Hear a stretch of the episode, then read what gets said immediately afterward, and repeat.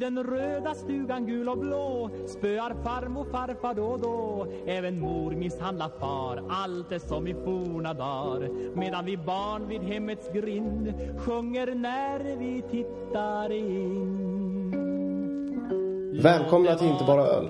Eh, podcasten där vi snackar om allt här i livet. Nej, det gör vi inte. Hej Fredrik. Hej. Vi har ju också våran kära vän med oss idag. Ja, en gammal stjärna. Magnus. Tack och välkomna tänkte jag säga, men är ni som har bjudit in mig. Ja, eh, det var ett tag sedan. Vi får väl börja med att kanske be om ursäkt för det. Vi ska försöka jobba med kontinuiteten. Eh, och det kanske vi kommer att bli bra på så småningom också. Det har hänt ganska mycket sen vi snackade sist. Imorgon så är det Göteborgs öl och whiskymässa. Jag tror i och för sig att det här eh, avsnittet kommer komma ut efter att den mässan har varit. Antagligen. Antagligen. Om jag inte är jätteduktig och gör allting ikväll. Vilket du är ibland. I- Ibland är jag duktig. Förhoppningsvis kommer folk vara på mässan imorgon och på lördag. Som kanske lyssnar på det sen på söndagmorgonen när de återhämtar sig med en stor kebabpizza. Precis. Eller lyssna på det medan de går runt mässan hade varit ändå trevligt. Ja, och så kanske ni ser oss. Kan komma fram och hälsa.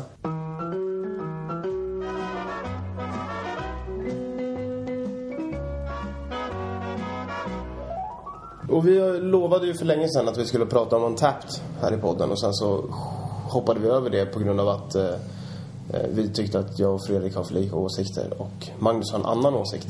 Eh, och därför är det kul att prata med honom men det är inte så kul när bara vi sitter och tjabblar. Eh, så Magnus, vad tycker du om Untapped? Ja, men det är ett intressant eh, medium för man kan dels se det som en social sak eh, som väl var tanken från början att man ska se vart kompisarna är ute och dricker öl.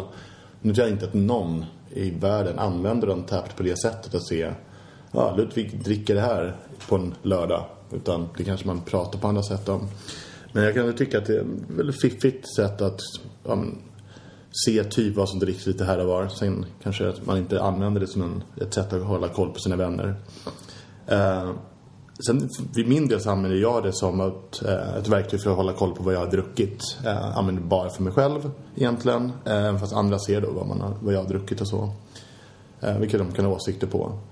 Men jag, det, jag tycker det är ganska, alltså, jag förstår den grejen och jag tycker du är en av de Untapped-användarna som faktiskt gör det smidigt. För man stör sig aldrig på när du tar fram din telefon och checkar in någonting. Medan många andra, och när Fredrik och jag själva använde Untapped, vilket säkert är två år sedan nu, jag vet faktiskt inte, men kanske. Eh, då, då tappade vi det sociala med bärs. Och att gå ut och dricka öl, det är en social grej framför allt.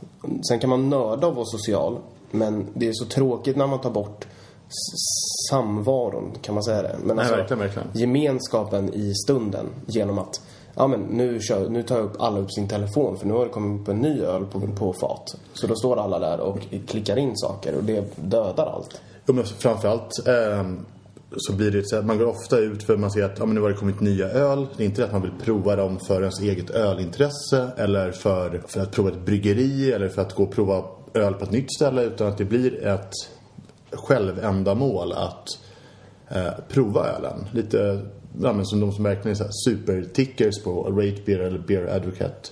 Och för er som inte vet liksom vad just tickerbegreppet är men att de som bara egentligen ska dricka så många olika öl som möjligt. Precis, den som, den, den som har druckit mest öl när han dör vinner. Ja. Och det, för det är det jag tycker också har varit att visst, man, nu är jag Men det tycker jag i och för sig Untapped eh, bidrar till. Jo men det är exakt det jag menar att uh, Rate Beer det är en rätt liten klick som har druckit flera tusen öl där. Framför, I Sverige så är det en handfull som ligger över kanske 5000 uh, olika. Vilket för många, för gemene man är ju det otroligt många. Det är kanske inte så vad de flesta kommer dricka på en livstid. Men problemet med, att- med Untapped är att jag har gjort det hela lite mer lättillgängligt tror jag. Ja. Att du behöver inte ha en åsikt om det. eh, Du behöver inte f- förklara om det var smaken du inte tyckte om eller doften. Utan det är mer... Du, du sätter en siffra och den siffran är sann. Problemet med, tycker jag, att Untapped, att det är också, det, det blir så, om man ska gå efter det som ett betygssystem och titta på vad folk har tyckt om en öl. Så det är ju ingen mening egentligen, för att det slår jättekonstigt. Där blir Rape lite enklare, fast man aldrig håller med där heller. Nästan aldrig i alla fall. Rate Beer är också skillnaden att där är det nästan bara ölnördar som gör det. Untapped används ju av väldigt många icke-ölnördar.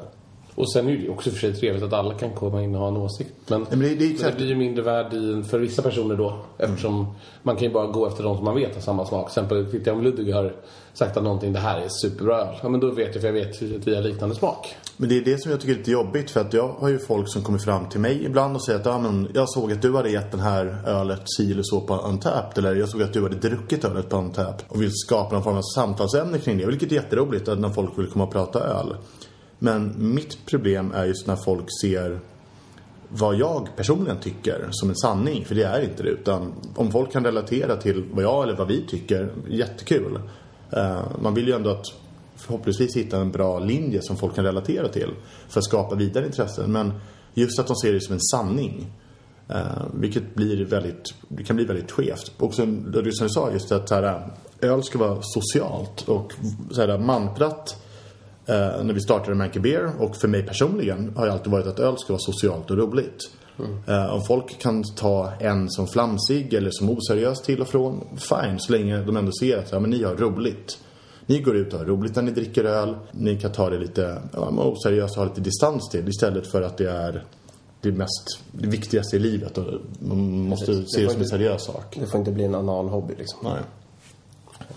Ehm, Eller hur Fredrik? Anala hobbysar, det får det inte bli. Nej, det är rätt inte rimligt. Ordval, så kul. Uh, nej, men sen tror jag att Untapped Jag tror att det håller på att förändras också. Uh, de, det är så många som har haft haft det som ett sätt att kunna ticka av öl och det är många än idag som går ut och bara går till ställen och möts för att kunna liksom använda Untapped som ett Precis. sätt att få ut det. Det är väl fortfarande bra men jag tror att många börjar tröttna och för att just för att det blev för mycket av Prova nytt hela tiden. Det var, det var i alla fall det jag tröttnade på. Det var därför jag, för att jag insåg att jag själv ändrades, eller vad man skulle säga.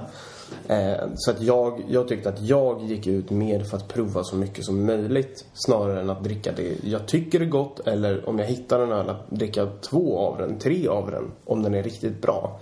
Istället för att prova eh, sju jättesmå öl som eh, en är bra men då går man bara vidare ändå trots att den är Det blir en hets. Det blir en jättehets runt det. Sen måste man ju För det blir en jakt och sen så blir det... Alltså, det blir någon typ av penismätare i. Vem kan dricka flest? Vem kan prova flest? Vem Absolut. kan dricka flest? Sen är det lätt att man sätter den stämpeln, för den får jag ibland att säga, ja men du är superticker och vill bara prova öl. Men så nu, jag har varit i Spanien, Finland, Estland och nu Göteborg på de senaste veckorna. Och druckit öl eh, i jobbet och privat. Då blir det att man går runt i lagom takt och provar det. Så att reser man mycket och har man det som en social och rolig sak igen, då kommer man prova rätt mycket öl.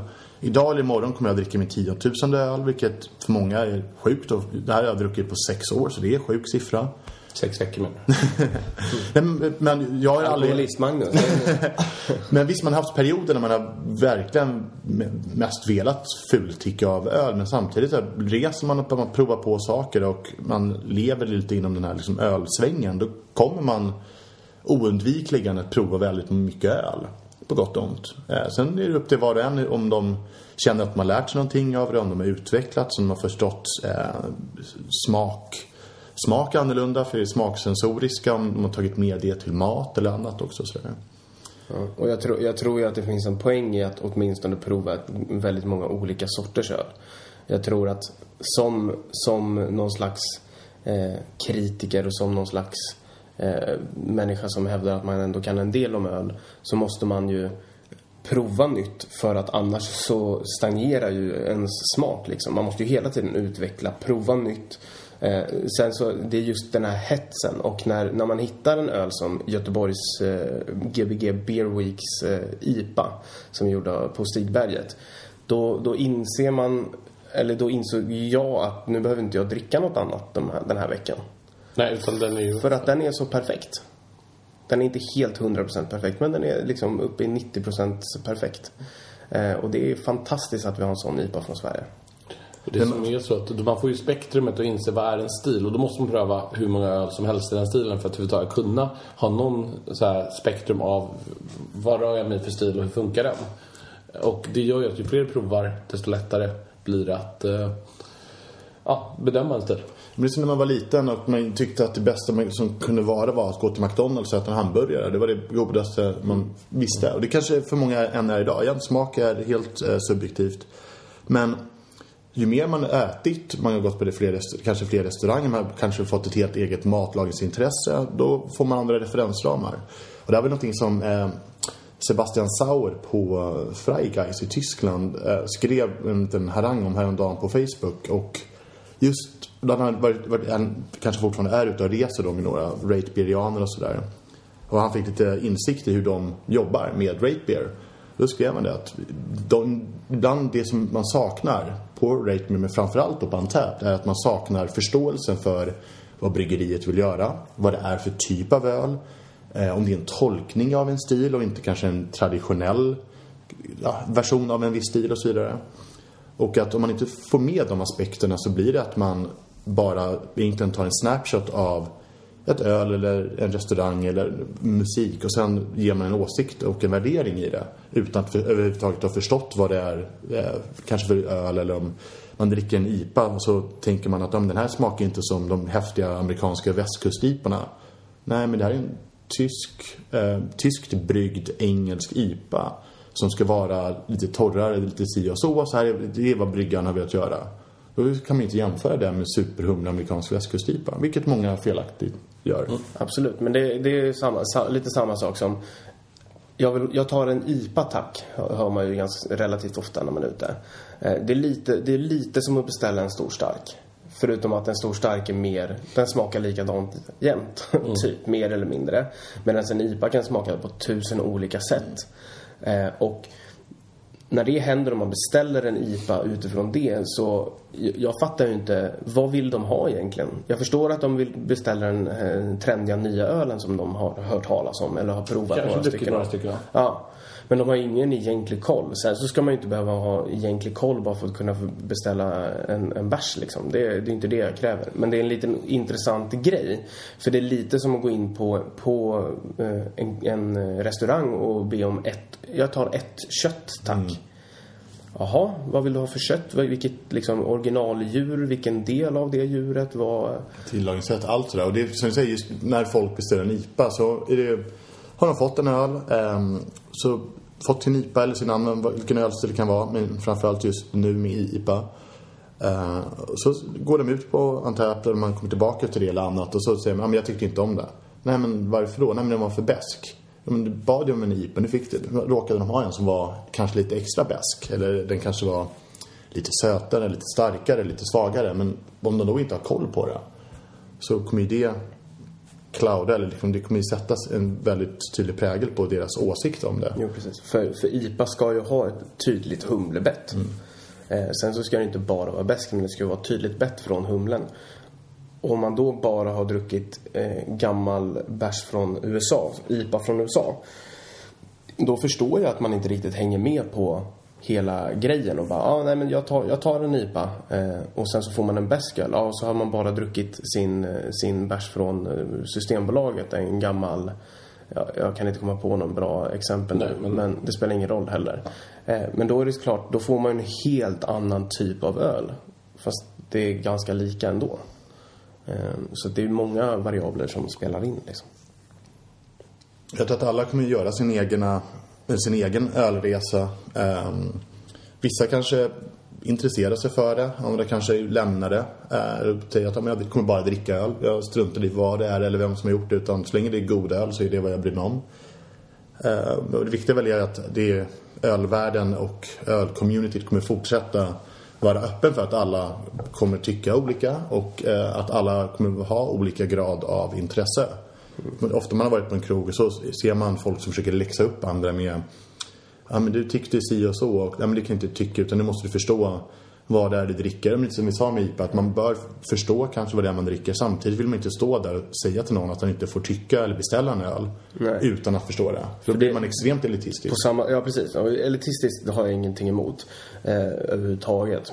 Men det är socialförstörande att stå och läxa upp folk. Det är bättre att bara ha kul. Trevligt. För oftast har man någon gemensam nämnare med de flesta människorna i alla fall. Eh, så, så fokusera på det och då är det återigen det här sociala. Så vill ni som lyssnar använda Untapped så finns det ju ingenting från oss som säger att ni inte ska göra det. Nej, Men vi har en liten eh, vädjan att tappa inte sociala. Var sociala, ha kul, var med varandra när ni är ute och dricker öl. Sen kan ni hålla på med Untapped också, men låt det inte ta över era kvällar. För det förstör bara för er själva. Det blir väldigt, väldigt tråkigt. Ja.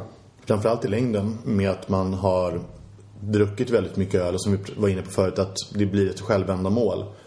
Uh, man minns inte kvällarna, man minns inte när man drack någonting eller vad, hur, om det var en rolig kväll utan att allt man minns är att man fick en batch uh, för någonting. Att om nu har jag druckit x antal öl från Tadzjikistan så tycker man att det har varit jätteroligt. Vilket kanske var för det är spännande att prova öl från Tadzjikistan. Men på tal om det, vi kanske ska prova en öl. Ja, det ska vi göra. Eh, som jag tänker kan föra in oss på ett annat samtalsämne. Eh, och då häller jag nu upp ett, en hembrygd faktiskt från en bryggare här i Göteborg eh, som heter Per Karlsson. va? Eller kommer jag ihåg fel? Stämmer. Och många av er, eh, åtminstone av er som lyssnar som är ifrån Göteborg, eh, kommer nog känna igen honom från eh, Rover. Där han arbetar. Han säger väl arbetar och inte jobbar här i Göteborg. Det är arbetarstad. Ingen aning. Det är vi alla från Stockholm. men, eh, nej men så att det, ja, vi provade en innan vi satte oss här och spelade in och den var eh, smarrig. Eh, det är kul med suröl från, från eh, landet Sverige tycker jag. Vi har väldigt få bryggare. Vi, vi nämnde tre stycken tror jag innan och det är Bräckeriet, eh, Tempel. Southrace. nej, det, det var ett skämt. Sen finns det vissa bryggerier som har gjort enstaka suröl. Det finns det. Det finns, det Men finns ju rena surölsbryggerier är det väldigt få. Mm, precis, det finns ju flera, ganska många, eller är det det? Är det många som har gjort suröl i Sverige? Nej, Dugges har gjort. Brewski har ju börjat göra Brewski, mer nu. Ja. Eh, Malmö har gjort. Malmö. Ja. Men ofta är det, eh, vad ska man säga, väldigt eh, moder, de, de moderna stilarna, Berlinerweisse och de här, eh, oftast ganska rena, eh, mjölksyra. Medans eh, det som Per här har gjort, det som vi har i glaset, det är, det är jäst, utjäst på riktigt med bakterier och, eh, och Brettanomyces, alltså jästsorten. Och för er som eh, vill kanske se lite vad Per har gjort så vet jag att han finns både på Instagram och för även på Facebook som eh, Wild and Sour. Och på Instagram så läggs det upp rätt mycket bilder och även liksom förklaringar på vad det han gör. Och det är väldigt häftigt för han har hållit på nu i, vad är det, ett, två år någonting tror jag. Minst som Wild and Sour i alla fall. Och då jobbar han nästan bara med att utveckla sin gäst som bevisligen är väldigt god. Eh, märker vi ju här. Mm. Eh, en bra balans mellan, mellan, mellan olika saker liksom. Och just det här är väl då eh, en sur brunöl med, eh, vad är det här? Tranbär. Tranbär, vilket är väldigt spännande att ha med tranbär. Något som är kul med också den här processen som ständigt utvecklande processen och verkligen nörda in sig på ämnena innan man sätter igång för fullt och verkligen vet vad man har att göra med. Som jag tycker är väldigt imponerande. Som här, prova, ta samma öl, exakt samma grundöl, äh, lägga ner den ena med körsbär, den andra med tranbär. Bara för att se hur eh, kommer det fungera med de här bären. Men också hur kommer ölet uppföra sig med olika bär. Eh, vilken karaktär kommer det få? Vad vill du ta med dig vidare till nästa öl? Eh, andra öl som jag provade från Per i somras eh, hade han gjort lite motsvarande. Eh, också liksom väldigt intressant att kunna se de små, små skillnaderna som ibland finns. Men framförallt med suröl, där det är så pass komplex produkt att små skillnader kan ändå få en rätt stor, ut, äh, ja, stor utveckling sen ölet börjar ligga till sig. Ja, verkligen. Jag satt och funderade lite på eh, suröl med tranbär. Kunde komma på fyra stycken. Eh, och då har vi Cantillon. Cantillons Buitenduvel som vi har druckit en gång och troligtvis aldrig kommer se igen. Nej. Kanske en tom flaska. eh, och sen så eh, Rodenbach Karaktär Rouge har ju en andel tranbär i sig. Eh, Mikkel eller Spontan-serien har de en, en cranberry. Allagash och, har jag för mig har gjort en, om inte fler, öl med tranbär. Känns ju inte orimligt eftersom att i de trakterna av USA dessutom så äter man ju och dricker man ju mycket mer tranbär än vad man gör här i Sverige till exempel. Ett bryggeri som heter Gard, har de gjort något- någonting med tranbär? Det tror jag nog att de har gjort. Det skulle känns som gissa de skulle göra Det känns rätt naturligt. Jag tror, oh, det tror jag de har gjort. Men just den här ölen som vi dricker tycker jag påminner väldigt mycket annars just om de amerikanska surölen. Jag tänker dels lite på, på Russian River, deras eh, lite mörkare eh, suröl. Eh, men även då Allagash. Mm. Framförallt som vi nämnde, då tycker jag att det här drar mot på ett bra sätt. Ja, för det, det, är trevligt, inte där för utspårade men inte heller för, för mjäkiga. Mm. Ja, absolut, absolut. Men eh, vad, vad, vad, tycker du, vad tycker du Fredrik om, om eh, surölstrenden i Sverige? Tycker du den är bra, dålig? Är du nöjd? Är du missnöjd? Oj, är svårt att ta en ställning. Alltså, det är klart man är lite... Det, man har önskat ännu fler bryggerier som är på ett riktigt hög nivå väljer att köra verkligen bara enbart suröl och nörda ner sig i det och gå djupt in i det ämnet. Mm. Samtidigt som intresset för suröl har ju verkligen vuxit extremt här och jättekul att få få läsa tidningarna. Jag läste Alf Tumble skrev någonting om Lambic för inte allt för länge sedan. Och det, det pratas om och, mm. och det har blivit en rolig trend. Ja, det, är, det är det modernaste just nu. Och jag, jag håller med dig verkligen om att det hade varit kul att se fler surölsbryggerier. Mm. Men lite så tänker jag med alla typer av bryggerier. Jag skulle vilja se ett lagerbryggeri i Sverige. Mm. För att om du gör en sak så är det oftast lättare att bli bättre på det. Ja. Än att bli bäst på allt. Mm. Blandar du liksom eh, så kommer du säkert kunna skaffa, eller du kommer kunna skaffa en jättebra öl men så kommer de andra inte vara lika bra och, och, så, och så, Samtidigt som eh, om du bara fokuserar på en typ av öl, en slags process så kommer du kunna göra, utveckla den hela tiden och få den mer, mer perfekt. Ja, för är, det, är det många bryggerier som har gjort egentligen alla typer av stilar eh, i Sverige? Jag tror inte det. Och som, just som du säger att det är bättre att fokusera på en eller kanske två saker och bli bäst på det. Eh, men också för begränsningarna på, eh, på många bryggerier, på många bryggverk och möjligheterna som ett bryggeri har.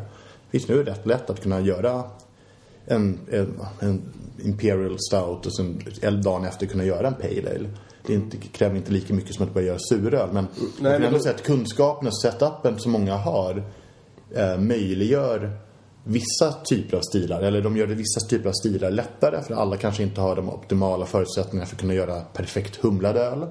Eh, Medan andra har det. Men de kanske i sin tur inte har ja, något annat som kanske hade gjort att eh, man kunde göra den bästa säsongen eller den bästa Imperial Stouten.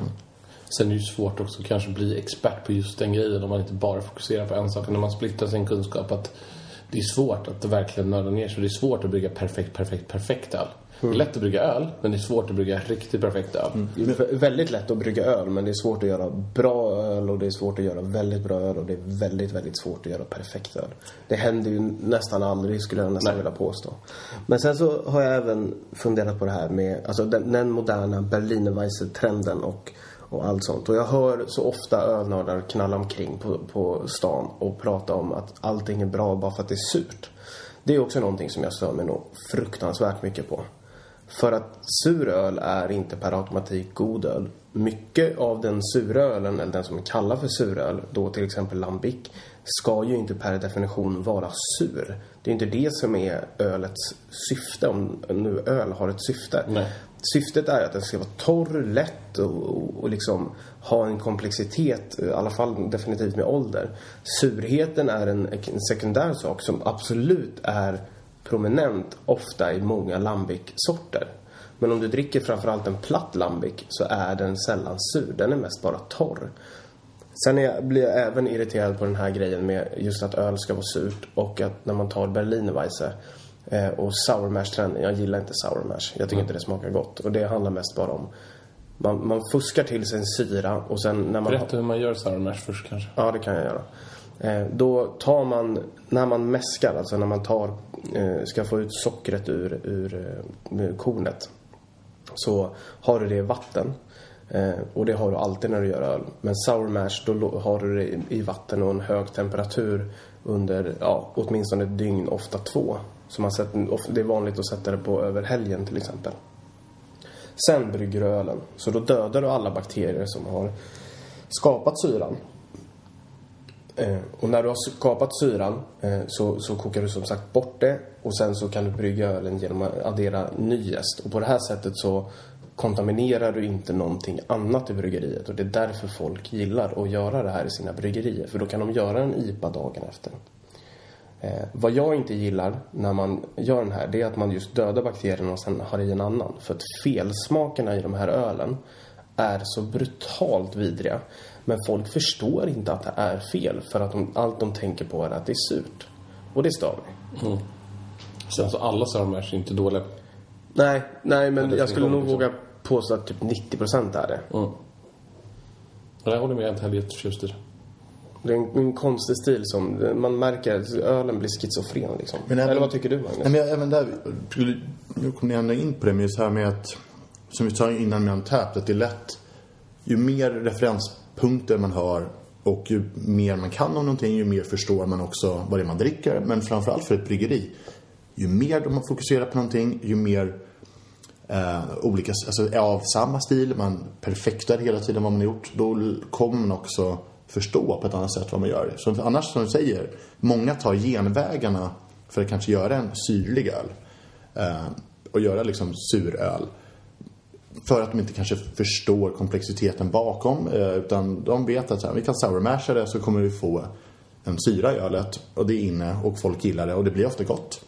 Men har de förstått hela bakgrunden eller historien eller hur olika typer av komplexitet kan finnas i suröl? Ja, kanske inte alla utan de skulle eh, kanske behöva liksom göra Alltså nörda in sig ännu mer på just det här, suröl och kunna göra fler stilar när börja släppa en Berliner Weisse hit och dit. Vilket är jättetrevligt, jag älskar Berliner Weisses. Men det är som du säger mer som IPA, liksom, att det har blivit en liten trend med att man bara slänger ut någonting och så blir det by default bra. Eh, det ser inte så stora skillnader kanske i många av ölen och om, där, det, där det är skillnader så är det väl just för att det är väldigt lätt att kunna smaksätta den stilen framförallt. då. Vilket har gjort den nog också väldigt populär för att det är lite, det är någonting nytt hela, varje gång. Eh, och det är lite andra, det inte har inte samma begränsningar som kanske en IPA eller en Ale eller en Stout utan du kan slänga i mer eller mindre vad som helst. Eh, på gott och ont. På gott och ont. Nej, men jag, just bara till det du sa innan då med bry- bryggerierna. Eh, jag hoppas också att det kommer fler som vågar satsa mer på just bara suröl och som vågar bli de som tillsammans med de som vi har nämnt då eh, vill utveckla och driva det här i Sverige men även i Europa. Eh, och se till så att liksom det, man håller liv i i flera år så var det inte så hände inte så mycket inom Lambic men även inom suröl som generellt. Så alltså, det händer ju inte så mycket. Det har inte hänt så mycket i alla fall i Europa. Men nu i tanke med att vad bräckeriet har åstadkommit internationellt så har det fått ett helt annat uppsving i, i Europa. Att visa att det finns en marknad på det här och det finns väldigt mycket att gotta ner sig och grotta ner sig på. Vilket är jätteroligt att se. Jag kom på ett till bryggeri vi glömde. Eh, Vilket? Som gör suröl. Eh, Inte enbart dock, men eh, Stockholm Brewing Company. Ja, de gör ju ganska mycket. De har ett surrörsprojekt. Men där är, och, ja precis, men de är inte till 100 procent Det finns ju många. Nej, nej, inte Jag menar, Dugges gör ju också suröl. Om vi sa det förut, jag bara kom på att vi glömde nämna dem. Nej, absolut. De ska, bryggerier. de ska ha en eloge för de, de försöker att, verkligen... De, de har en progressiv inställning till vad, hur de gör suröl. Eh, vilket jag uppskattar väldigt mycket. Eh, istället för att bara göra den här safe-grejen.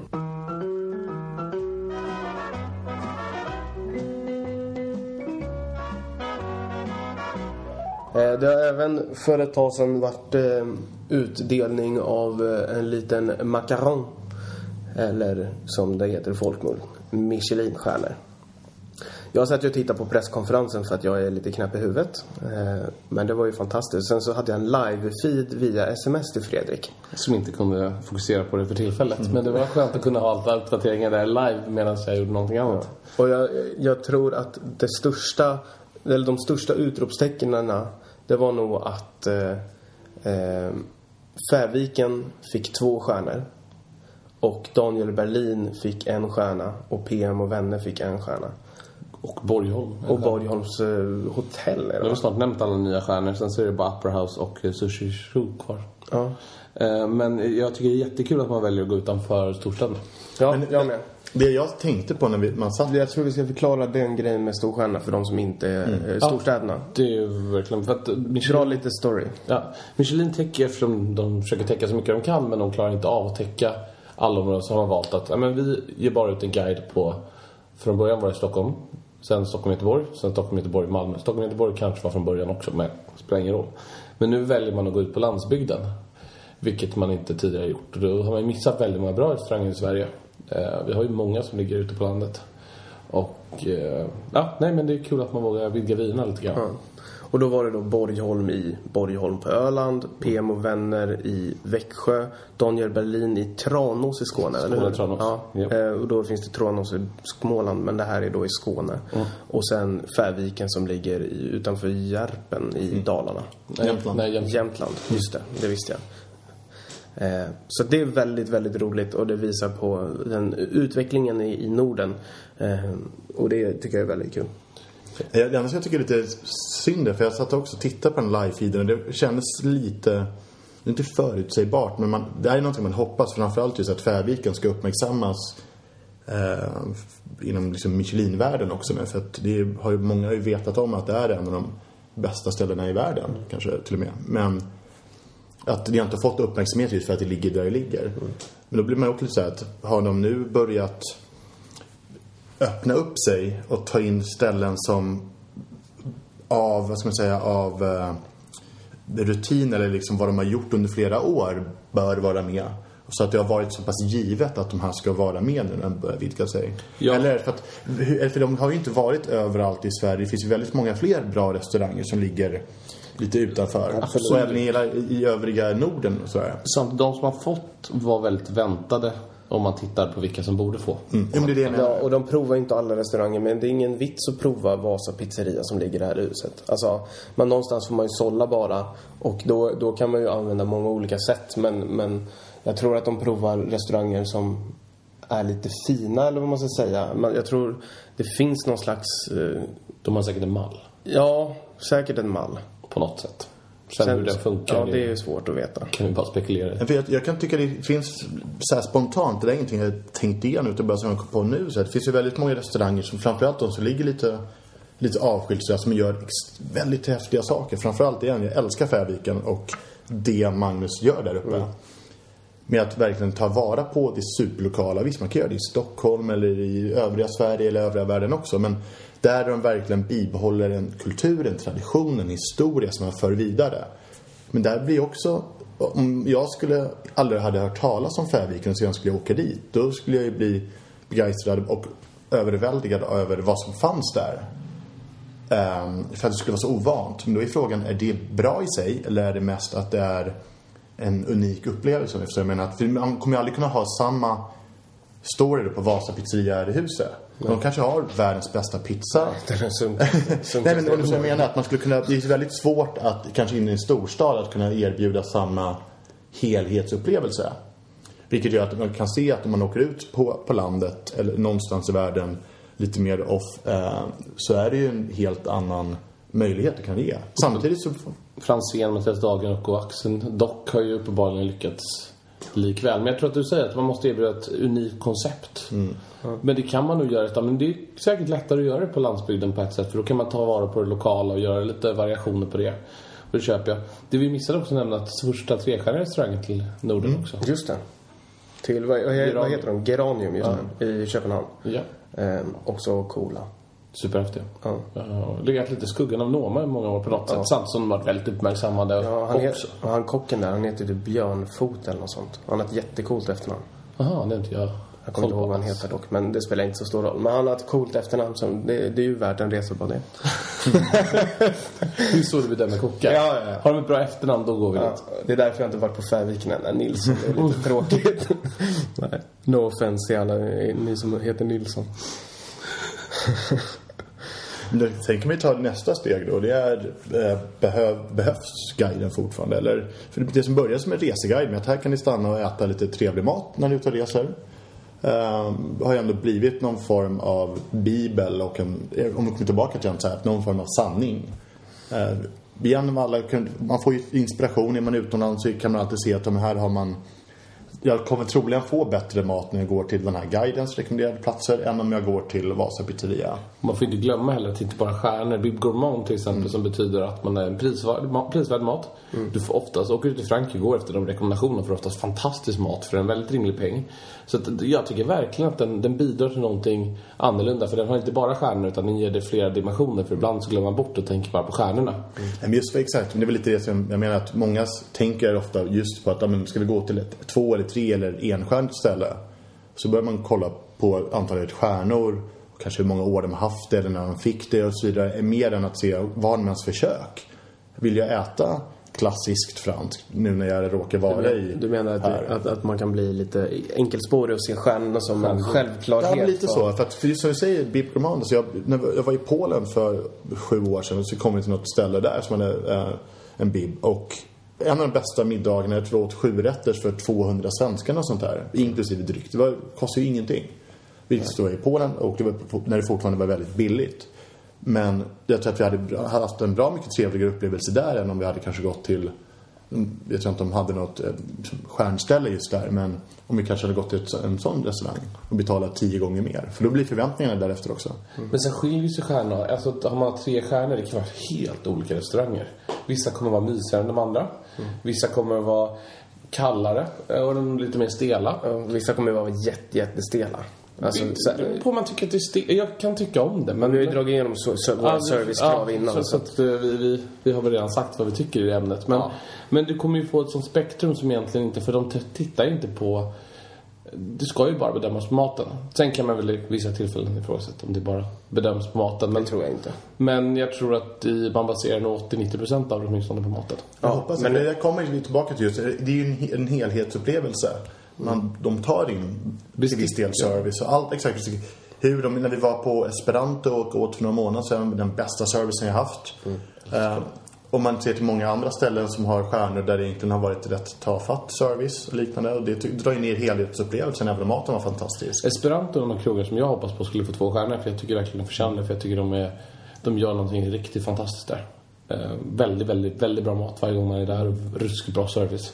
Vi, får hoppas att de får det. Eller, samtidigt som jag gillar den här balansen med att det är väldigt få som får det och då blir det, blir det ju lite mer, det blir ju ännu mer mytomsbindande. Det visar ju också att det finns nivåer.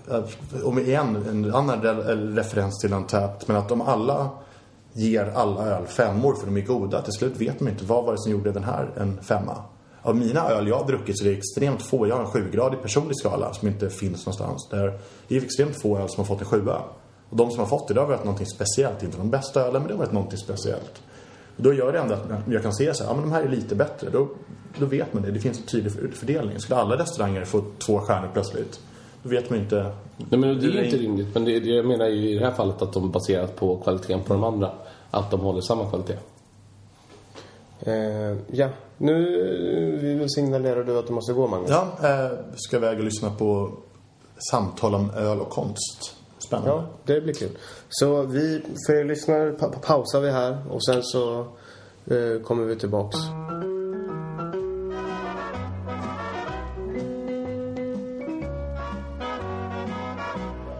Ja, och nu har Magnus lämnat oss och eh, vi glömde bort att säga en grej och det är att vi, jag och Magnus då, tyvärr inte Fredrik den här gången, ska ner till Belgien nu om två veckor tror jag det är va? På helgen där. Eh, för då har Cantillon en liten festival. Eller en ganska stor beroende på hur man ser det. Den är i bryggeriet. Eh, helt fantastisk var den förra gången vi var där. Eh, och vi kommer troligtvis spela in därifrån så det lär ju komma ett, ett Belgien-avsnitt. Där vi belgar belgar. Ja. men eh, ja, nej men så att eh, Untapped eh, kan vara bra men suger om man inte är social. Mm. Michelin, lite nya stjärnor. Ja, Spännande. du är en stjärna. Du är min stjärna. Mer svenska, mer svenska surölsbryggerier. Ja, Som bara fokuserar på suröl. Ja, och mer bryggerier som, som en fokuserar sak. på en grej. Ja, Och blir bäst på det liksom. verkligen. Bra sammanfattning av ja. dagens eh, samtal. Ja, jag tycker det också. Och vi får ju bara säga skål. Ja, skål och tack. Gott nytt år. Nej, just Ja, det. det var... Fortsätt lämna kritik, vi uppskattar det. Ja. Eh, kommentarer, följ oss på Ja, Facebook. du, jag kommer inte ihå- ihåg ditt namn just nu så här i, i snabba sekunden. Men du som gav oss lång kritik, vi ger dig ett väldigt stort tack. Du får tre stjärnor kan jag säga med en Ja, gång. direkt. Tack så mycket. Mer kritik. Och det är, vi är me- mest intresserade av vad som är dåligt och mindre intresserade av vad som är bra. För att det vi kommer vi nog fortsätta med ändå. Då. Vi behöver bli bättre. Ja, och det vet vi. Och vi jobbar för det. Och vi tackar er för, som lyssnar för det är ni som gör att vi fortsätter.